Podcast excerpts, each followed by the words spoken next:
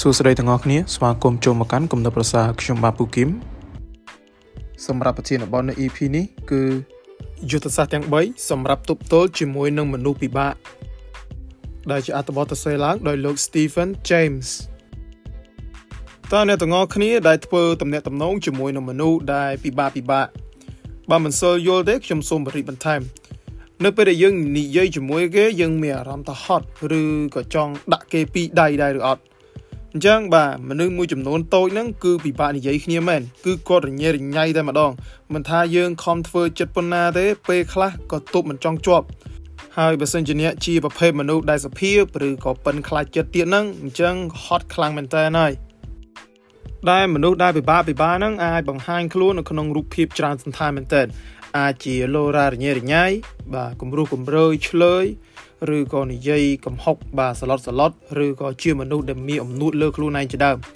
ហើយអ្វីដែលគួរឲ្យធុញនោះគឺពួកគេមិនដឹងតែខ្លួនឯងនឹងចរិតអញ្ចឹងទៀតហើយក៏មិនដឹងតែខ្លួនគេ បាទចរិតនឹងប៉ះពាល់ដល់អ្នកដទៃទៀតផងអញ្ចឹងនៅពេលដែលយើងបានជួបពួកគេ វាមិនមែនជារឿងប្លែកទេដែលយើងចង់កិច្ចឬក៏ចង់រត់ចោលនោះដោយមិនថាអ្នកអារម្មណ៍ល្អប៉ុណ្ណាទេ នៅពេលដែលនៅចិត្តពួកគេហើយអ្នកនឹងអាចឆ្លងអារម្មណ៍មិនល្អឬក៏អារម្មណ៍ទុក្ខសិចបាន ប៉ុន្តែគ្រាន់តែការរត់ចេញនោះវាគ្រាន់តែជាការកិច្ចចេញពីការប៉ះទង្គិចគ្នាក្នុងរយៈពេលខ្លីប៉ុណ្ណោះបើក្នុងរយៈពេលវែងវិញអ្នកគង់តែប្រឈមមុខដែរទេហើយអ្វីដែលយ៉ាប់ចិត្តជាងនេះទៅទៀតនោះគឺពួកយើងមិនអាចផ្លាស់ប្ដូរចរិតរបស់ពួកគេបានឡើយហើយពួកគេក៏មិនផ្លាស់ប្ដូរដែរអញ្ចឹងគឺមានតែយើងហ្នឹងឯងដែលត្រូវផ្លាស់ប្ដូរដែលផ្លាស់ប្ដូរក្នុងន័យនេះគឺយើងសំដៅទៅលើរបៀបដែលយើងឆ្លើយតបទៅរកពួកគេដើម្បីឲ្យការឆ្លើយតបនោះវាមានប្រសិទ្ធភាពជាងមុន អញ្ចឹងតោះមកស្ដាប់យុទ្ធសាស្ត្របាទទាំង3សាមញ្ញសាមញ្ញសម្រាប់តបតជាមួយនឹងពនុពិបាកពិបាកនេះយុទ្ធសាស្ត្រទី1ចិត្តតិចតិចនៅពេលដែលយើងកំពុងតែតបជាមួយនឹងមនុស្សពិបាកពិបាកគឺវាប្រៀបដូចជាហ្គេមគ្រប់គ្រងអារម្មណ៍អញ្ចឹងគឺយើងមិនអនុញ្ញាតឲ្យធម្មពលតុកសិកតុកសិកឬក៏អវិជ្ជមានរបស់ពួកគេនឹងមកស្ថិតនៅក្នុងខ្លួនយើងឡើយ នៅពេលនរណាម្នាក់និយាយជាមួយអ្នកដោយចរិតមិនល្អបាទនិយាយកំរោះកំរើយឬក៏កំហុកដាក់អ្នកអីចឹងទៅអញ្ចឹងបាទវាមានភាពងាយស្រួលមែនតើសម្រាប់អ្នកចង់បញ្ចេញការឆ្លើយតបនោះដោយ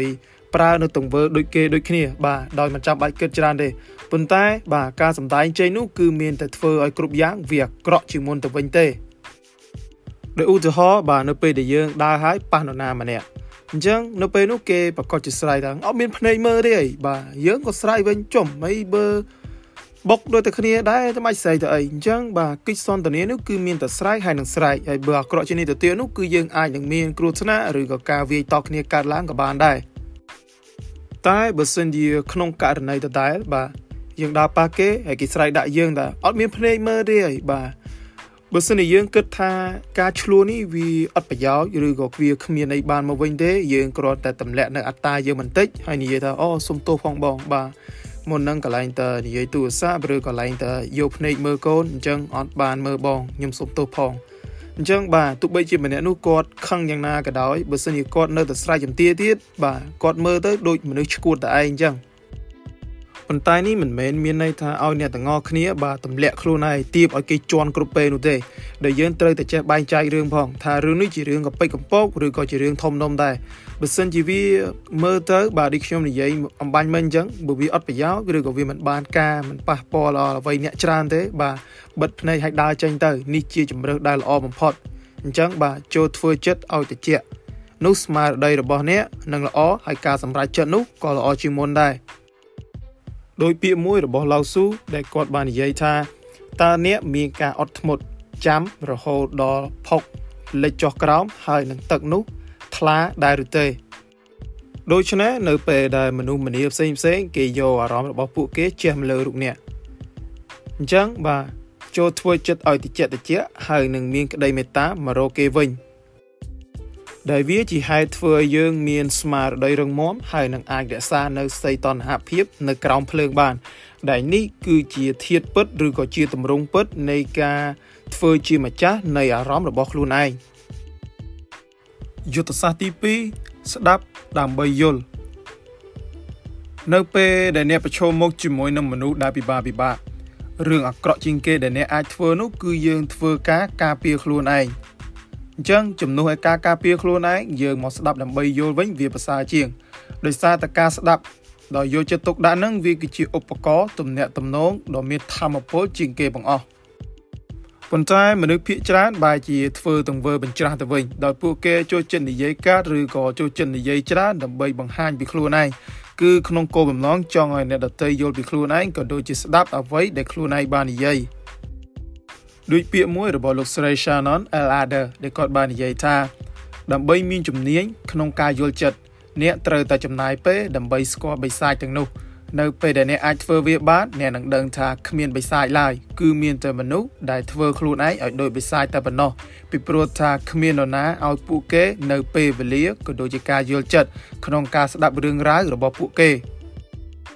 ដោយឧទាហរណ៍អ្នកគឺជាគ្រូពេទ្យទៅបាទហើយមានអ្នកជំងឺមកដល់អត់ទាន់បាននិយាយអីទេអ្នកក៏ឲ្យថ្នាំគាត់ទៅ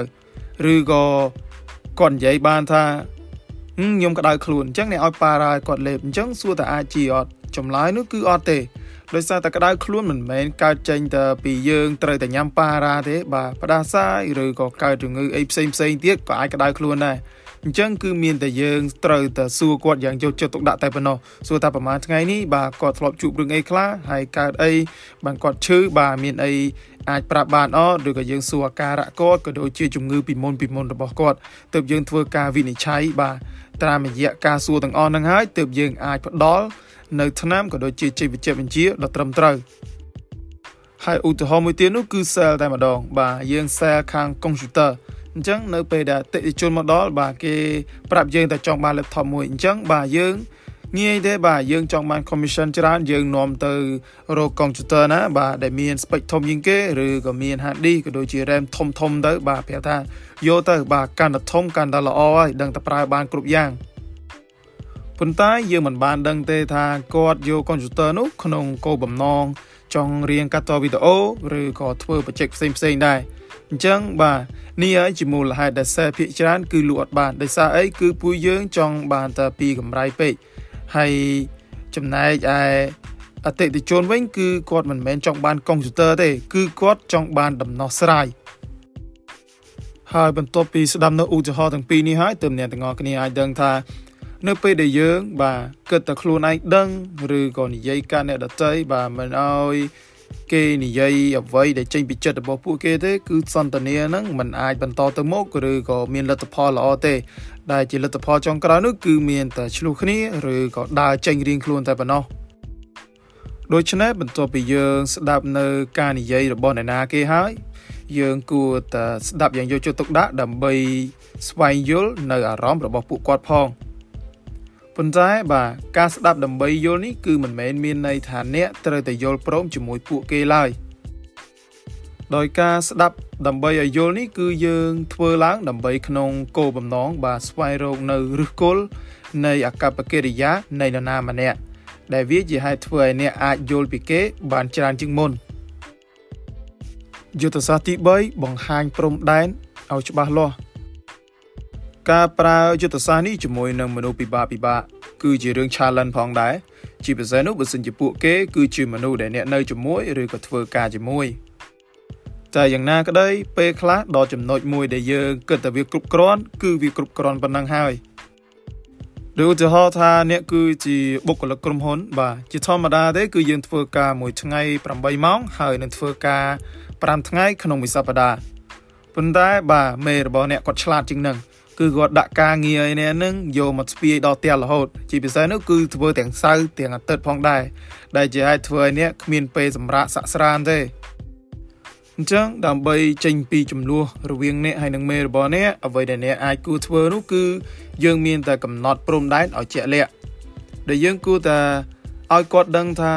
សៅរ៍អាទិត្យគឺយើងត្រូវតែឈប់សម្រាកអានេះគឺជាសិទ្ធិរបស់យើងហើយចំណែកឯការងារនោះគឺយើងមិនស្ពាយយកមកវិញទេប៉ុន្តែបើសិនជាឱកាសនោះយូរយូរម្ដងគឺយើងអាចជួយគាត់បានអញ្ចឹងអ្វីដែលយើងធ្វើឬក៏អ្វីដែលយើងអាចជួយគាត់បានយើងនឹងប្រាប់គាត់ទៅតាមនោះទៀតមិនមែនឲ្យយើងស្ពាយការងារមកផ្ទះរាល់ថ្ងៃឡើយ ដោយនេះគ្រាន់តែជាឧទាហរណ៍ទេប៉ុន្តែមានគ្នាយើងមួយចំនួនតែងតែធ្វើការ comment សួរខ្ញុំវិញថាបើសិនជាយើងប្រកែកឬក៏យើងធ្វើខុសពីមេអញ្ចឹងចុងក្រោយនោះយើងមានតែត្រូវដេញចេញ